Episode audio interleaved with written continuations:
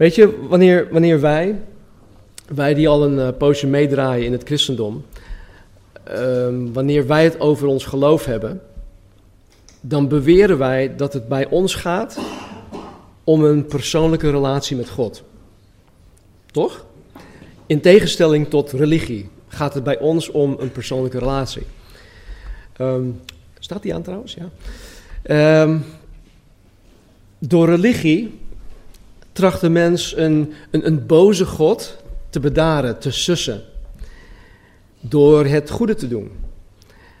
En door het goede te doen hebben ze dan de hoop dat deze God blij met hen zal zijn, waardoor ze misschien redding zullen krijgen en in de hemel zullen komen. Het probleem met religie is dat het de mens totaal geen zekerheid van redding kan bieden.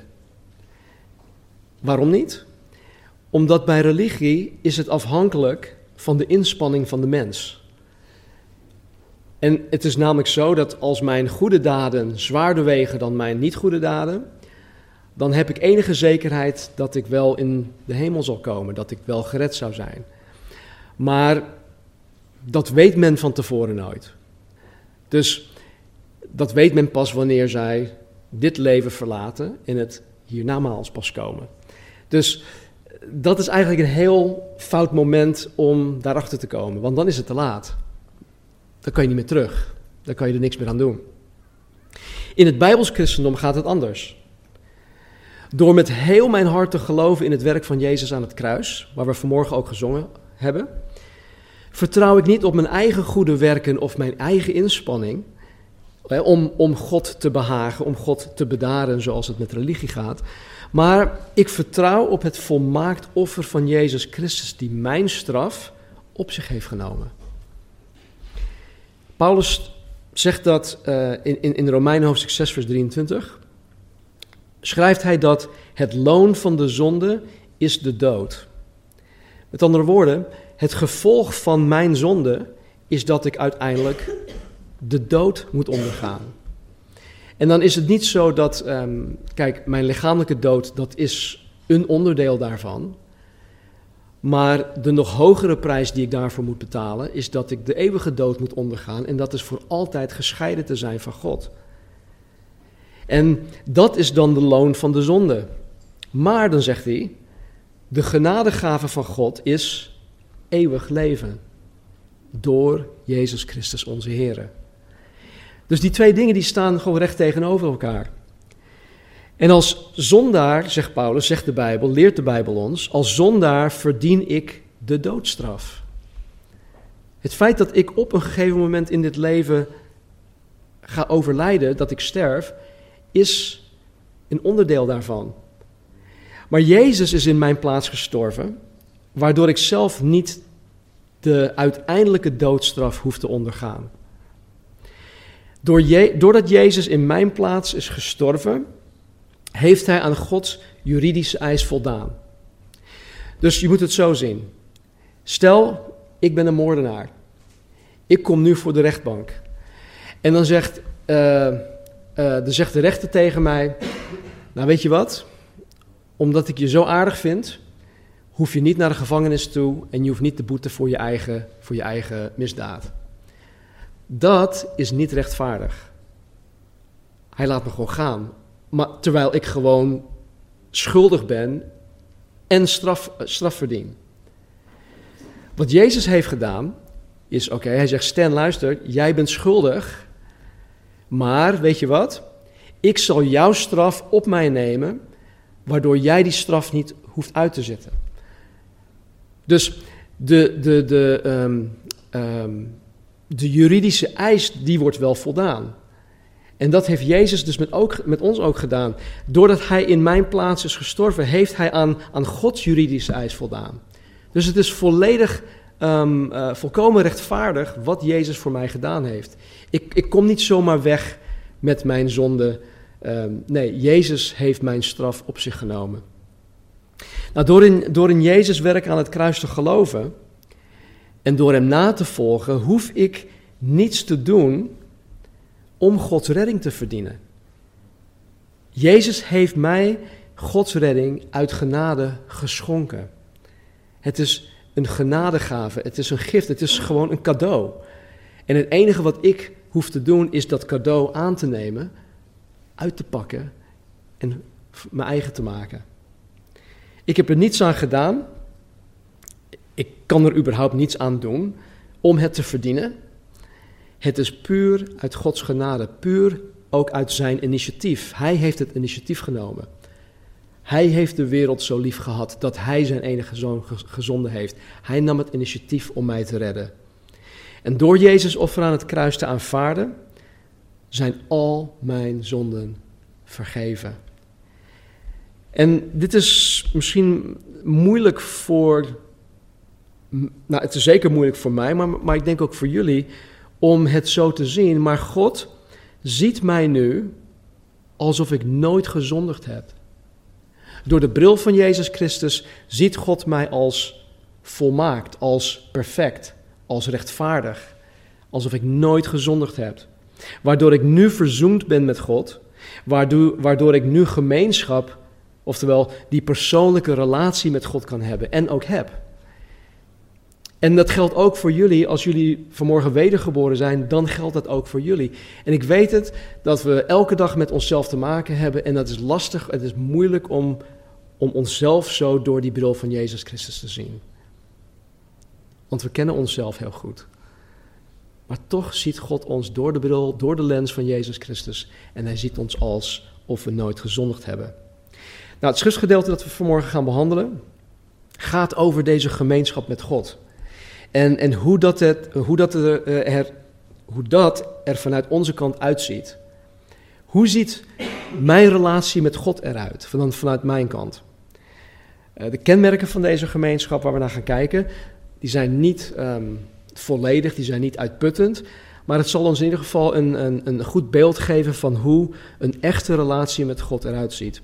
Uh, als je Bijbel meegenomen hebt, sla hem open op 1 Johannes hoofdstuk 1, vers 1. 1 Johannes 1, vers 1. En dan lezen we het eerste hoofdstuk.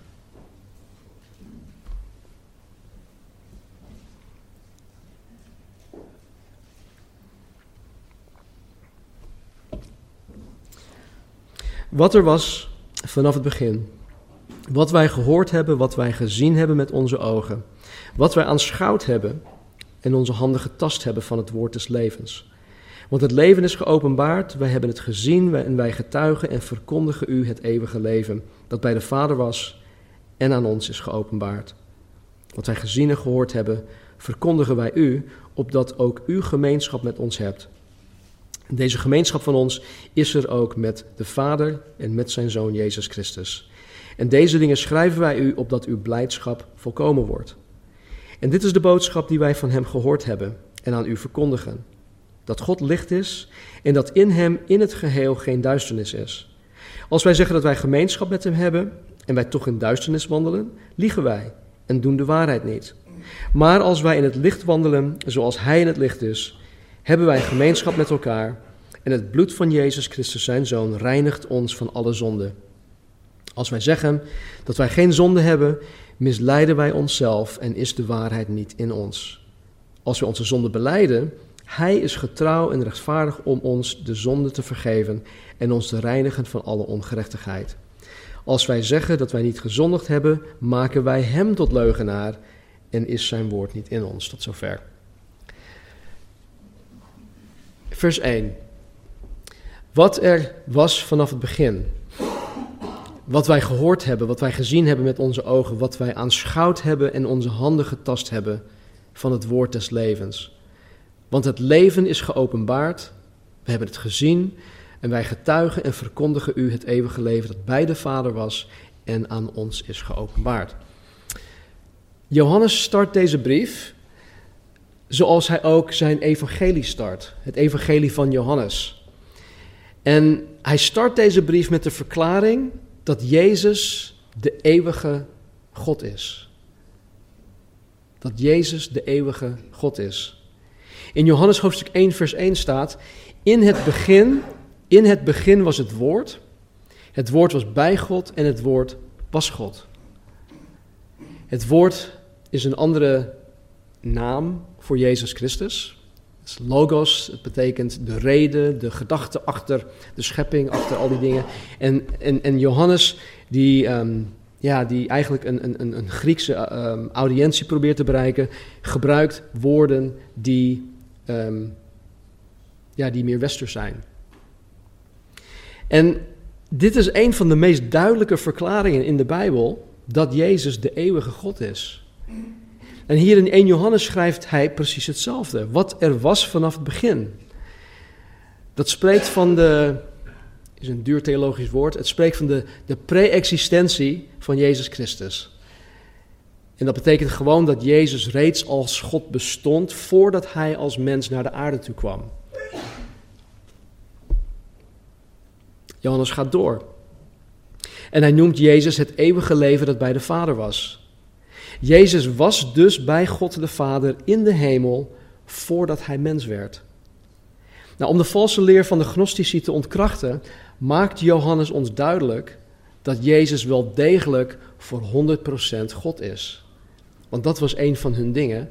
Die, zij beweerden dat, ehm, dat, God, dat, dat, dat God is goed, God is heilig. Maar vlees, alles, alles van materie is, is, is vies en dat is niet heilig. Dus die twee konden nooit samen zijn. Terwijl de Bijbel ons leert dat God of dat Jezus 100% God is en 100% mens is geweest. Dus um, hij probeert dat hiermee te ontkrachten. En wat Johannes ons ook duidelijk wil maken, is dat deze eeuwig bestaande God ook voor 100% mens is geworden in de persoon Jezus Christus. Dus wat er was vanaf het begin, wat wij gehoord hebben, wat wij gezien hebben met onze ogen, wat wij aanschouwd hebben en onze handen getast hebben van het woord des levens, want het leven is geopenbaard en wij hebben het gezien en wij getuigen en verkondigen u het eeuwige leven dat bij de Vader was en aan ons is geopenbaard. Johannes was op het moment van schrijven de laatste levende apostel. Alle andere apostelen, Petrus, Jacobus, uh, al, al die anderen, die waren omwille van het evangelie op dit moment al geëxecuteerd. Dus hij was de enige die overbleef. En als, als de laatste uh, apostolische ooggetuige verklaart hij dat hij en de andere apostelen Jezus met eigen oren hebben gehoord. Ze hebben Jezus met eigen oren gehoord. Met eigen handen hebben ze Jezus aangeraakt. Met eigen uh, ogen, met bewondering en verwondering uh, hebben ze hem aandachtig beschouwd. Dit geldt niet alleen voor uh, de Jezus voor zijn kruisiging, maar het geldt vooral juist ook tijdens de kruisiging en na de opstanding. Na de opstanding kwam Jezus naar hen toe. En jullie die het evangelie of de evangeliën kennen, weten dat Jezus op meerdere malen of tot meerdere malen toe is verschenen. Op een gegeven moment waren ze bij elkaar, de deur zat op slot en ineens was Jezus er. En hij zegt: Wees niet bevreesd. Hebben jullie wat te eten? En tijdens een van die verschijningen was Thomas er niet bij. Dus de andere discipelen vertelden dat aan Thomas: hé hey joh, je hebt wat gemist. En wat doet, wat doet Thomas? Ja, ik geloof er niks van. Tenzij ik hem met eigen ogen zie, tenzij ik met eigen handen Jezus kan aanraken, tenzij ik de wonden in zijn zij zie en in zijn hand en in zijn voet, dan pas ga ik geloven. Dus wat doet Jezus? Hij verschijnt nog een keer terwijl Thomas er deze keer bij is. En er staat in Lucas 24, 39 dit. Zie mijn handen en mijn voeten, want ik ben het zelf. Raak mij aan en zie, want een geest heeft geen vlees en beenderen zoals u ziet dat ik heb. Jezus zelf maakte zijn discipelen duidelijk dat hij zelfs na zijn opstanding uit de dood geen geest of geen spook was. Maar dat hij een, een opstandingslichaam van vlees en beenderen had. Zoals ik net al zei, hij vroeg hun zelfs om eten. Hebben jullie wat te eten? Dat is toch wel iemand van vlees en beenderen. Toch, Amit?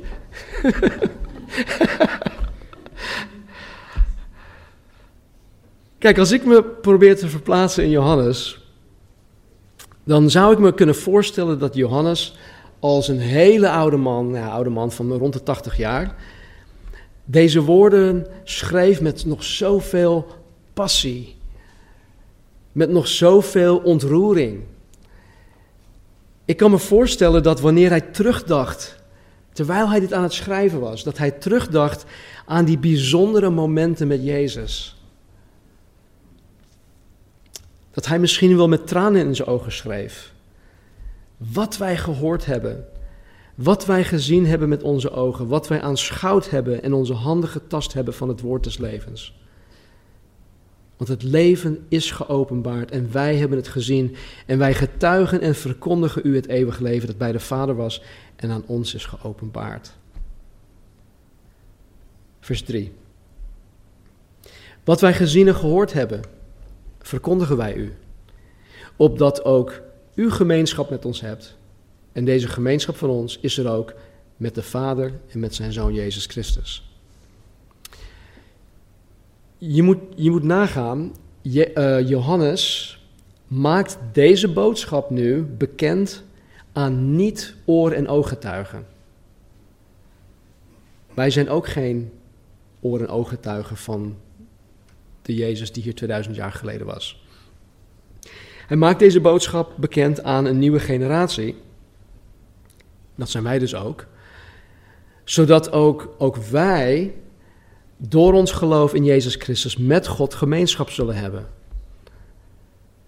Na zijn opstanding uit de dood sprak Jezus hier ook over. In Johannes 20, vers 29 zei Jezus dit tegen Thomas: Omdat u mij gezien hebt, Thomas, hebt u geloofd. Nu komt het. Zalig zijn zij die niet gezien zullen hebben en toch zullen geloven. Ik ben zalig, zegt Jezus. En dat ben ik ook, omdat ik, ondanks Hem niet gezien te hebben, toch geloof.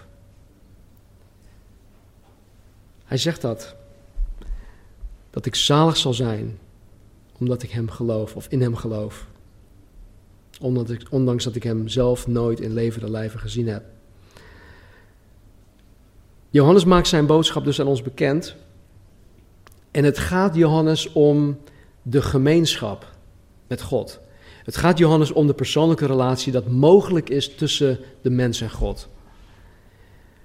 Maar deze gemeenschap is in Gods koninkrijk niet beperkt tot alleen een relatie tussen God en mij. Ik weet niet of jullie wel eens mensen tegen zijn gekomen die beweren christen te zijn, maar die niet naar de kerk toe gaan of die niet aangesloten zijn bij een lokale kerklichaam. Die zeggen dan, ja weet je wel, ik, ik geloof wel, maar het is alleen ja, tussen God en mij. Of die niets willen accepteren van een broer of zus qua advies of qua geestelijke input van anderen of kritiek. Ja, ik snap het wel, maar weet je, God en, God en ik, we hebben, we hebben, ja, we, hebben een, samen wel iets. Het gaat om die, die onderrondjes tussen God de Vader en mij alleen. En niemand anders kan inbreng hebben in mijn leven.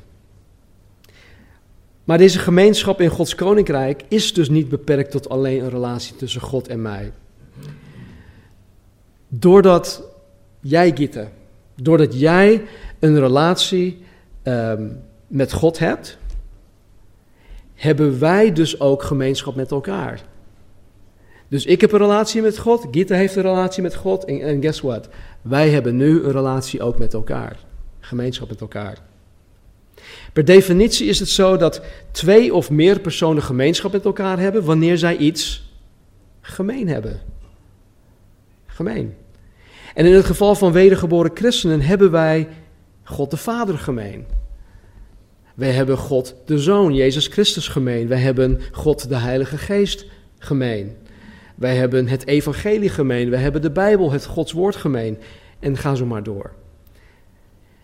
Het kan in, in mijn beleving, in mijn optiek, kan het dus nooit zo zijn dat twee, twee geestvervulde, wedergeboren christenen niet blijvend samen door één deur kunnen.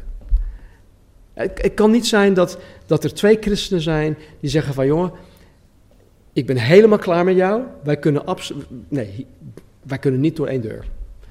Misschien kan dat voor een moment wel, maar het, zal nooit zo kunnen blijven. Dat, dat is onmogelijk. Want als er oneenigheid of conflict is, dan geeft God ons de remedie daarvoor. Matthäus hoofdstuk 5. Het initiatief ligt bij mij. Als ik weet van, van iemand, hé, hey, die persoon heeft iets tegen mij, maar die durft waarschijnlijk niet naar mij toe te komen, dan ligt het initiatief bij mij om naar die persoon toe te gaan. Als iemand mij heeft, iets heeft aangedaan, dan ligt het initiatief ook bij mij. Moet ik ook naar die persoon toe gaan. Dus als wij dat in de praktijk brengen, dan hoort er gewoon nooit een situatie te zijn in ons midden waarin twee personen dus niet door één deur kunnen gaan. Volg je dat? Wanneer wij gemeenschap met God en met elkaar hebben, dan zullen ook wij de boodschap met mensen gaan delen. Opdat ook zij gemeenschap met ons zullen hebben. Wij die gemeenschap met God de Vader en met zijn Zoon zullen uh, hebben. En wanneer wij in de voetstappen van Johannes wandelen, die in de voetstappen van Jezus heeft gewandeld, dan zal dat ook radicale gevolgen voor ons hebben. Uiteindelijk moeten we Jezus navolgen, maar Paulus zegt ook: Volg mij na zoals ik Christus navolg. Dus het is niet raar dat wij ook andere voorbeelden, zoals bijvoorbeeld in Johannes, uh, kunnen navolgen. Um, even kijken. Ja, die radicale gevolgen. Kijk naar wat Johannes in vers 4 schrijft. En deze dingen schrijven wij u, opdat uw blijdschap volkomen wordt. De blijdschap waar Johannes het over heeft, is iets waar Jezus zelf ook over vertelde. In het Evangelie van Johannes, in hoofdstuk 15, vers 11, zegt Jezus dit: Deze dingen heb ik tot u gesproken, opdat mijn blijdschap in u zal blijven en uw blijdschap volkomen zal worden. En het gaat hier niet om de blijdschap dat afhankelijk is van de omstandigheden. Bijvoorbeeld, een maand of anderhalf geleden was ik hartstikke blij toen ik onze nieuwe tweedehandse auto uit Arnhem uh, had opgehaald. Maar uh, ik was een stuk minder blij toen het onderweg in de Schipholtunnel ineens een hoop kabaal ging maken. Uh, die ja, de uitlaat die was kapot en die, de hele pot die, ja, die viel, er bijna vanaf. Maar het leek erop alsof hij ineens in, in Fast and Furious modus kwam te, te rijden. En, maar goed, anyway. ja, dan word je daar gewoon minder blij van. Dus ik was blij. En toen was ik niet blij. De blijdschap, oftewel de vreugde waar Jezus en Johannes het over hebben, is geheel onafhankelijk van de omstandigheden. Het is een geestelijke toestand.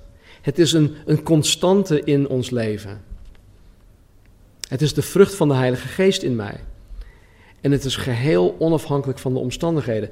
Nou, we, hebben het hier uitgebreid over gehad ehm, in de tweede studie, toen wij de vier hoofdredenen van het schrijven van deze brief hebben behandeld. Dus daar ga ik nu verder niet op in. Vers 5. En dit is de boodschap die wij van hem gehoord hebben en aan u verkondigen: dat God licht is en dat in hem, in het geheel, geen duisternis is.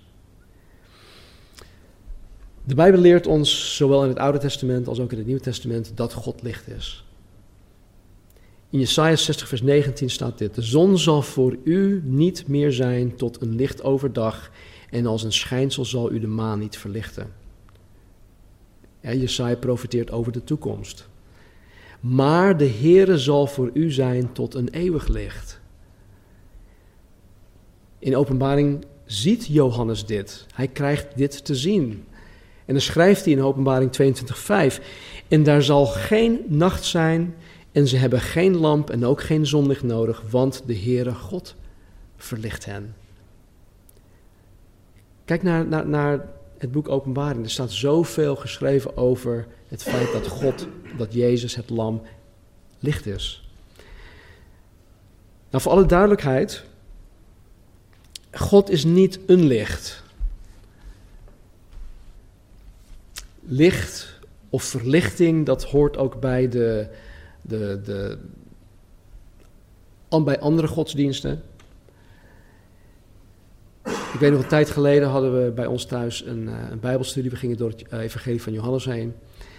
En er was iemand bij die zich, ehm, ja, die een beetje van alles, alle verschillende godsdiensten had geproefd en ook aanhing. En op een gegeven moment zei hij uh, van mij, hij was, geen, hij was niet wedergeboren. Uh, was ook heel boos op mij geworden toen ik uh, zei dat Jezus de weg, de waarheid en het leven is. Dat geen andere weg mogelijk is dan door Jezus alleen. Toen zei hij dat ik, veel, dat ik nu te ver ging en letterlijk met zijn hand op tafel, nu ga je te ver. Ik zei, ja, maar, hallo, ik zeg het niet, het staat hier. Maar goed, die persoon die zei dus van op een gegeven moment, wauw Stan, jij bent echt verlicht. Als, alsof ik een of andere, um, ja, hoe zeg je dat? Um, ja, alsof als ik of een of andere goede was geworden. Dus licht en verlichting, dat, dat komt ook voor in andere godsdiensten. Maar dat, daar gaat het hier niet om. God is niet een licht. En er is ook niet licht in God. Maar de Bijbel zegt, God is licht. Hij is licht. En in hem is er geen enkel spoortje van duisternis. Licht spreekt van verschillende dingen. Het spreekt onder andere van Gods heiligheid. Er is geen ander dan God alleen. Het spreekt van zijn zuiverheid, van zijn complete goedheid. Het spreekt van zijn rechtvaardigheid. Er is niets in God dat slecht is. Er is niets in God dat slecht is. God, God krijgt van zoveel, voor zoveel dingen de schuld. Ik kom helaas te veel mensen tegen die ooit iets met de kerk te maken hebben gehad, of ooit iets met uh, het christendom te maken gehad. En die zijn nu zo verbitterd of gekrenkt of dat ze dus niks meer met God te maken willen hebben. En God krijgt daarvoor de schuld. Weet je, wij mensen maken, maken er een puinhoop van. Het is niet, het is niet Jezus' schuld. Een goede vriend van mij die zegt altijd: uh, God heeft rare kostgangers. nou, daar ben ik eentje van. Vers 6. Als wij zeggen dat wij gemeenschap met Hem hebben, hè, God is licht, in hem, in hem is geen duisternis. En als wij dan zeggen dat wij gemeenschap met Hem hebben, en wij toch in duisternis wandelen, liegen wij en doen de waarheid niet. Nou, dit is een van de zeven beweringen van de kerkganger dat wij in de derde studie van deze brief met elkaar hebben behandeld. Dus ga ik daar ook nu niet verder op in. Vers 7. Maar als wij in het licht wandelen, zoals Hij in het licht is, hebben wij gemeenschap met elkaar. En het bloed van Jezus Christus, zijn Zoon, reinigt ons van alle zonde. De schrijver Johannes en de andere discipelen hadden onvervalste gemeenschap met God. En hun, hun leven, hun, hun dagelijks leven, hun handel en wandel getuigde daarvan. Men kon aan alles zien dat zij werkelijk gemeenschap met de God van de Bijbel hadden. Als bewijs van deze gemeenschap zei Jezus in Matthäus tegen hen, tegen Johannes en de discipelen: dat zij het licht van de wereld waren. Zij zijn het licht van de wereld. Hij zegt, jullie zijn het licht van de wereld. Zoals Jezus zelf het licht van de wereld is. Zij wandelden, zij wandelden dus niet alleen in het licht, maar door hun, hun innige gemeenschap met God, die licht is, waren ze zelf ook het licht geworden. En ook wij, wij wij mogen lichtdragers zijn. Wij mogen het licht zelf zijn. Ons gebed is, is, is ook regelmatig, heren, laat ons gezin, ons huis, huis nummer 120, laat ons een licht zijn voor onze straat. Jullie die onze straat kennen, jullie weten, we, zitten echt bovenop elkaar. Zowel voor als achter.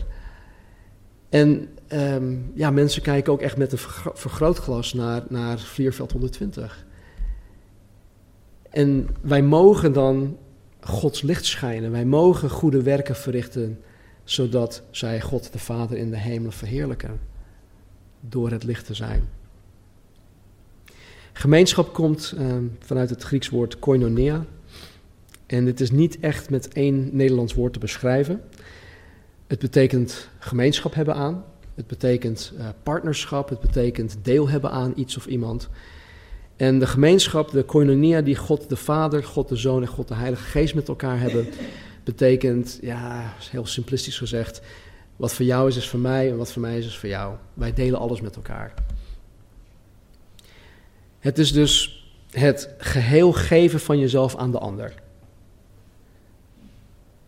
En de ander die zich tegelijkertijd ook geheel aan jou geeft. En dit is de gemeenschap dat de discipelen met Jezus hebben. En dit is hoe het voor de echte wedergeboren christen eruit hoort te zien. En dan ten eerste in die verticale relatie met, met God. En, en van daaruit vloeit dan onze relatie naar elkaar toe. Die horizontale relaties die wij hebben. Wanneer ik in het licht wandel, wanneer ik innige gemeenschap met God heb, dan reinigt het bloed van Jezus mij van alle zonde. Ik moet wel iets, iets zeggen wat ik, um, wat ik niet eerder heb gezegd. Is dat um, de apostel Paulus, vooral in de uh, brief van 1 Korinthe, hij heeft het over um, volwassen christenen en vleeselijke christenen. Hij maakt onderscheid tussen die twee. Allebei zijn christen, maar de een is volwassen, die is geestvervuld, die draagt ook vrucht van de geest. En de andere is echt vleeselijk, die is onvolwassen, die is nog in de geestelijke luiers, die zit nog aan de geestelijke melk, uh, enzovoort, enzovoort. Johannes maakt, maakt dat onderscheid niet. Het onderscheid dat Johannes maakt in zijn brief is je bent christen of je bent het niet. En, en hier dan ook zien we dat ehm, wanneer je in het licht wandelt, wanneer je die gemeenschap met God hebt, dan is dat een teken van het feit dat je inderdaad een christen bent. Het Centrum voor Bijbelonderzoek zegt iets moois hierover, ik zal het citeren. Wanneer de gelovigen blijven wandelen in het licht, bewegen zij zich in de goddelijke werkelijkheid dat licht openbaart en in dat licht wordt iemand zich bewust van zijn duistere zijde, zijn zonde. Men kan zich afkeren van het licht, maar ook besluiten in het licht te blijven. Blijft de gelovige bij het laatste, dan ontdekt hij dat zijn zonde verdwijnt. Het bloed van Jezus reinigt en zuivert hem daarvan. Bloed is een symbolische aanduiding van Jezus' heilbrengende offerdood aan het kruis. Einde citaat. Dus hoe meer ik in het licht wandel, hoe dichterbij ik bij God blijf, hoe meer mijn zondig natuur en mijn zonde mij bekend gaan worden. Waardoor ik me van die zonde bekeer en God om vergeving vraag. Ik heb ons vaker gezegd dat naarmate ik geestelijk groei, naarmate ik volwassener word als christen, hoe meer ik zondig. En dan is dat, is dat natuurlijk niet zo dat ik daadwerkelijk meer zondig, maar ik word er steeds meer en meer van bewust dat ik zondig. En wanneer God het mij laat zien, dan is de juiste handeling om me daarvan te bekeren, om dat te beleiden en dat ik mezelf gewoon laat reinigen door het bloed van Jezus Christus. En dit is hoe het, hoe het, um, um, het, heiligingsproces in mijn leven te werk gaat. Waardoor ik steeds meer veranderd word naar het beeld, evenbeeld van Jezus Christus. Johannes, eh, even kijken, vers 8 tot en met 10. Als wij zeggen dat wij geen zonde hebben, misleiden wij onszelf. En is de waarheid niet in ons. Als wij onze zonde beleiden, hij is getrouw en rechtvaardig om ons de zonde te vergeven en ons te reinigen van alle ongerechtigheid. Als wij zeggen dat wij niet gezondigd hebben, maken wij hem tot leugenaar en is zijn woord niet in ons. Vers 8 en 10 zijn ook beweringen van de kerkganger, dus daar ga ik ook niet op in. Wat ik wel wil aanhalen is vers 9. Als wij onze zonde beleiden, hij is getrouw en rechtvaardig om onze zonden te vergeven en ons te reinigen van alle ongerechtigheid. De, de, de dwaalleraars, de, de valse leraren, die beweerden niet te zondigen.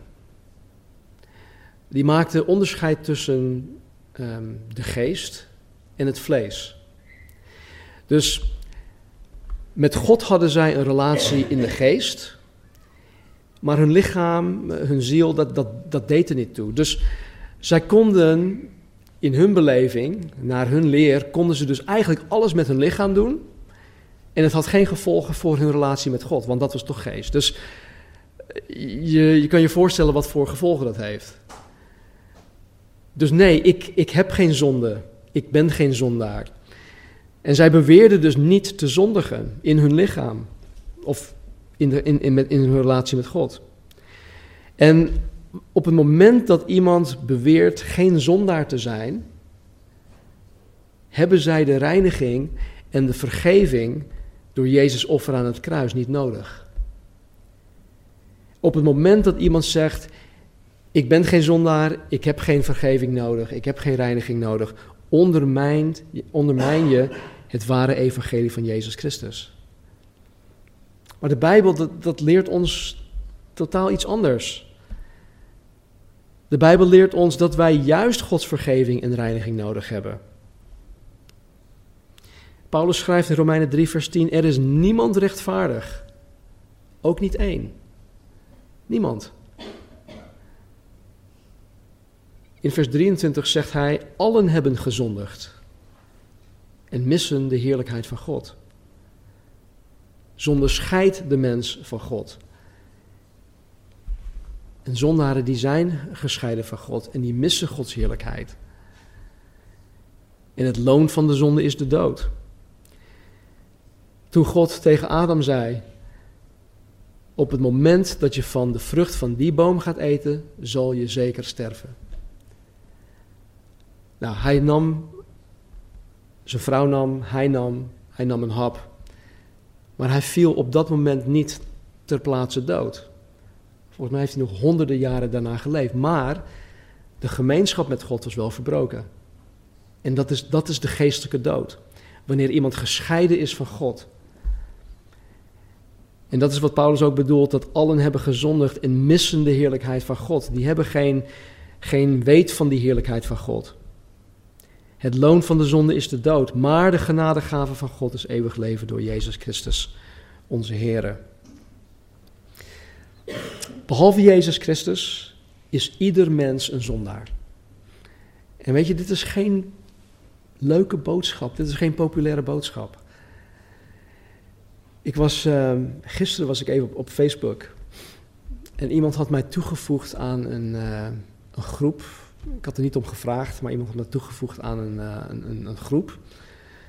En um, er was een vraag over een bepaalde kerk in onze hoofdstad. Uh, is dat, ik, ik wil er morgen dus vandaag naartoe gaan. Is dat wel een oké kerk? Is het wel oké?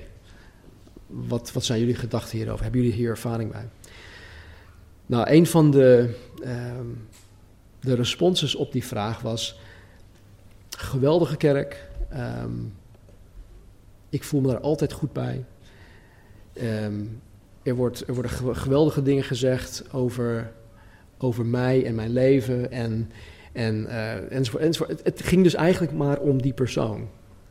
En hoe goed hij zich voelde wanneer hij naar die kerkdienst ging. En kijk, begrijp me niet verkeerd. Hè? Natuurlijk wil God ons tegemoet komen in onze emotionele noden en in, ons, in onze situaties. Maar als ik tegen iemand zeg van, joh, jij bent een zondaar en jij verdient de doodstraf, nou, dat, dat voelt niet goed. Maar dat is wel wat de Bijbel ons leert.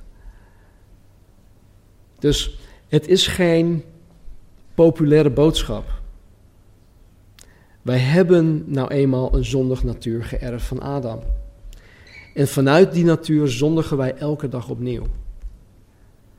Ik ben net zo'n zondaar als wie dan ook.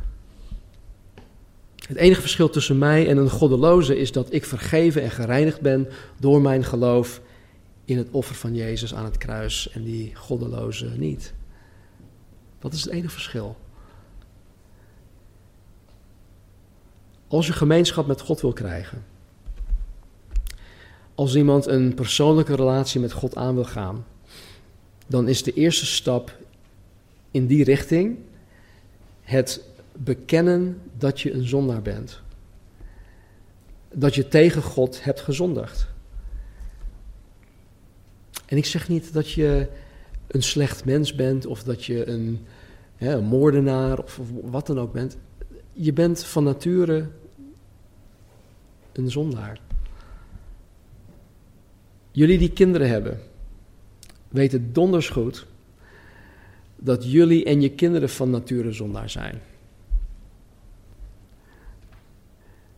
Ik weet het zeker, dat jullie dat ook, dat ook weten. Wie van jullie heeft jullie kind of kinderen hoeven leren liegen? Wie van jullie heeft jullie kind of kinderen hoeven leren egoïstisch te zijn? Of heb je je kind moeten leren om te, te zitten kleren? Of uh, het bloed onder je nagels vandaan te halen?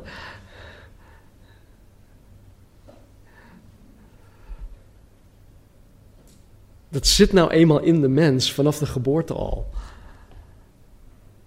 Kijk hoe een pasgeboren kind tekeer gaat wanneer die honger heeft. Als zo'n kind net zo groot zou zijn als, als wij, nou dan breken wij gewoon de boel af. Het is maar goed dat zo'n kleintje nog maar zo klein is.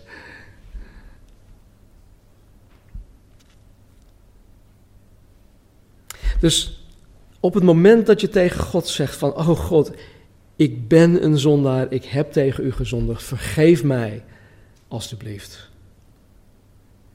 Vergeef mij voor alle fouten en duistere dingen die ik gedaan heb, die ik gedacht heb. Vergeef mij alstublieft voor en vul het zelf maar in.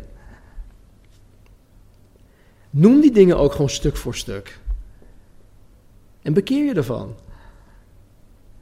Want op het moment dat je dit doet, vergeeft God je. En hij reinigt je van alle zonde, van alle ongerechtigheid, van al die, al die troep in je leven. Hij ruimt het op. En niet alleen dat, hij neemt die schuldgevoelens ook van je weg. De reden dat Johannes de brief schreef, de eerste hoofdreden, is, dat, is opdat mijn blijdschap volkomen zou zijn. Weet je, als ik, als ik iets fout gedaan heb, en dat, dat gaat vaak, helaas, heel vaak gaat dat richting Marnie, dan, dan voel ik me daar niet prettig bij. Maar op het moment dat, dat wij het daarover hebben, als we ook vergeving naar elkaar toe hebben uitgesproken, dan is dat gewoon over. En dan, dan valt die, die narigheid, valt, dat valt gewoon weg. En ik voel me dan ook niet meer schuldig. Want ik weet dat zij mij vergeven heeft. En het is ook zo wanneer wij onze zonde naar God toe beleiden. God neemt het schuldgevoel ook helemaal weg. En dit is het evangelie. Dit is de boodschap dat Johannes ons geeft in zijn evangelie en in zijn brieven. gemeenschap. Een innige persoonlijke relatie met God van de Bijbel. Met de schepper van hemel en aarde. Dat is voor ons, dat is voor jou mogelijk. Een nieuw, rein, rechtvaardig, een God-erend leven vol vreugde is voor jou mogelijk. En zoals Johannes hier schrijft in vers 9, als wij onze zonde beleiden, hij is getrouw en rechtvaardig om ons de zonde te vergeven en ons te reinigen van alle ongerechtigheid. Dit is dus de eerste stap. En zodra je de eerste stap gezet hebt, begint jouw gemeenschap met God. Begint jouw leven opnieuw. Vanaf dat moment ben je een nieuwe schepping volgens 2 Korinthe 5:17. Je bent volkomen vergeven, volkomen gereinigd, volkomen verzoend met God, met de mogelijkheid om vol vreugde te zijn, met de mogelijkheid om minder te gaan zondigen, met de mogelijkheid om niet misleid te worden door valse leer en met de mogelijkheid om de zekerheid te hebben van jouw redding en van het eeuwig leven. De vier hoofdredenen van het schrijven van deze brief. Dit is de beste deal van de eeuw. En we hoeven dat alleen maar te accepteren. Als een cadeau uitpakken en het je eigen maken. Laten we bidden. Hemelse Vader, dank u wel dat u zo geweldig goed bent voor ons, dat u de initiatiefnemer bent. Dat u mij, dat u ons, dat u de wereld zo lief hebt gehad en nog steeds lief heeft. Dat u uw enige geboren zoon gegeven heeft, opdat ieder die in hem gelooft niet verloren zal gaan, maar het eeuwig leven zal hebben. Dank u voor het evangelie. Ik dank u dat wij die nu al geloven, duur gekocht zijn met het kostbaar bloed van Jezus Christus. Heer, het is geen goedkope evangelie. Vader, het heeft u uw eigen zoon gekost. Jezus, het heeft u alles gekost. En ik dank u dat u het ons mogelijk maakt om die innige relatie met u aan te knopen. Dus Heer, help ons daarbij. Help ons om die stap te zetten. Help ons om toe te geven dat wij een zondaar zijn. Dat wij een redder nodig hebben. Dat wij een verlosser nodig hebben. En dat u, Jezus, die verlosser bent. Dat u in mijn plaats, in onze plaats, gestorven bent aan het kruis. Dat u mijn straf, mijn doodstraf, onze doodstraf op u, op u heeft genomen. En door daarin te geloven dat wij nu verzoend zijn of kunnen zijn met God, met God de Vader. Dus help ons daarbij. Beweeg ons daartoe.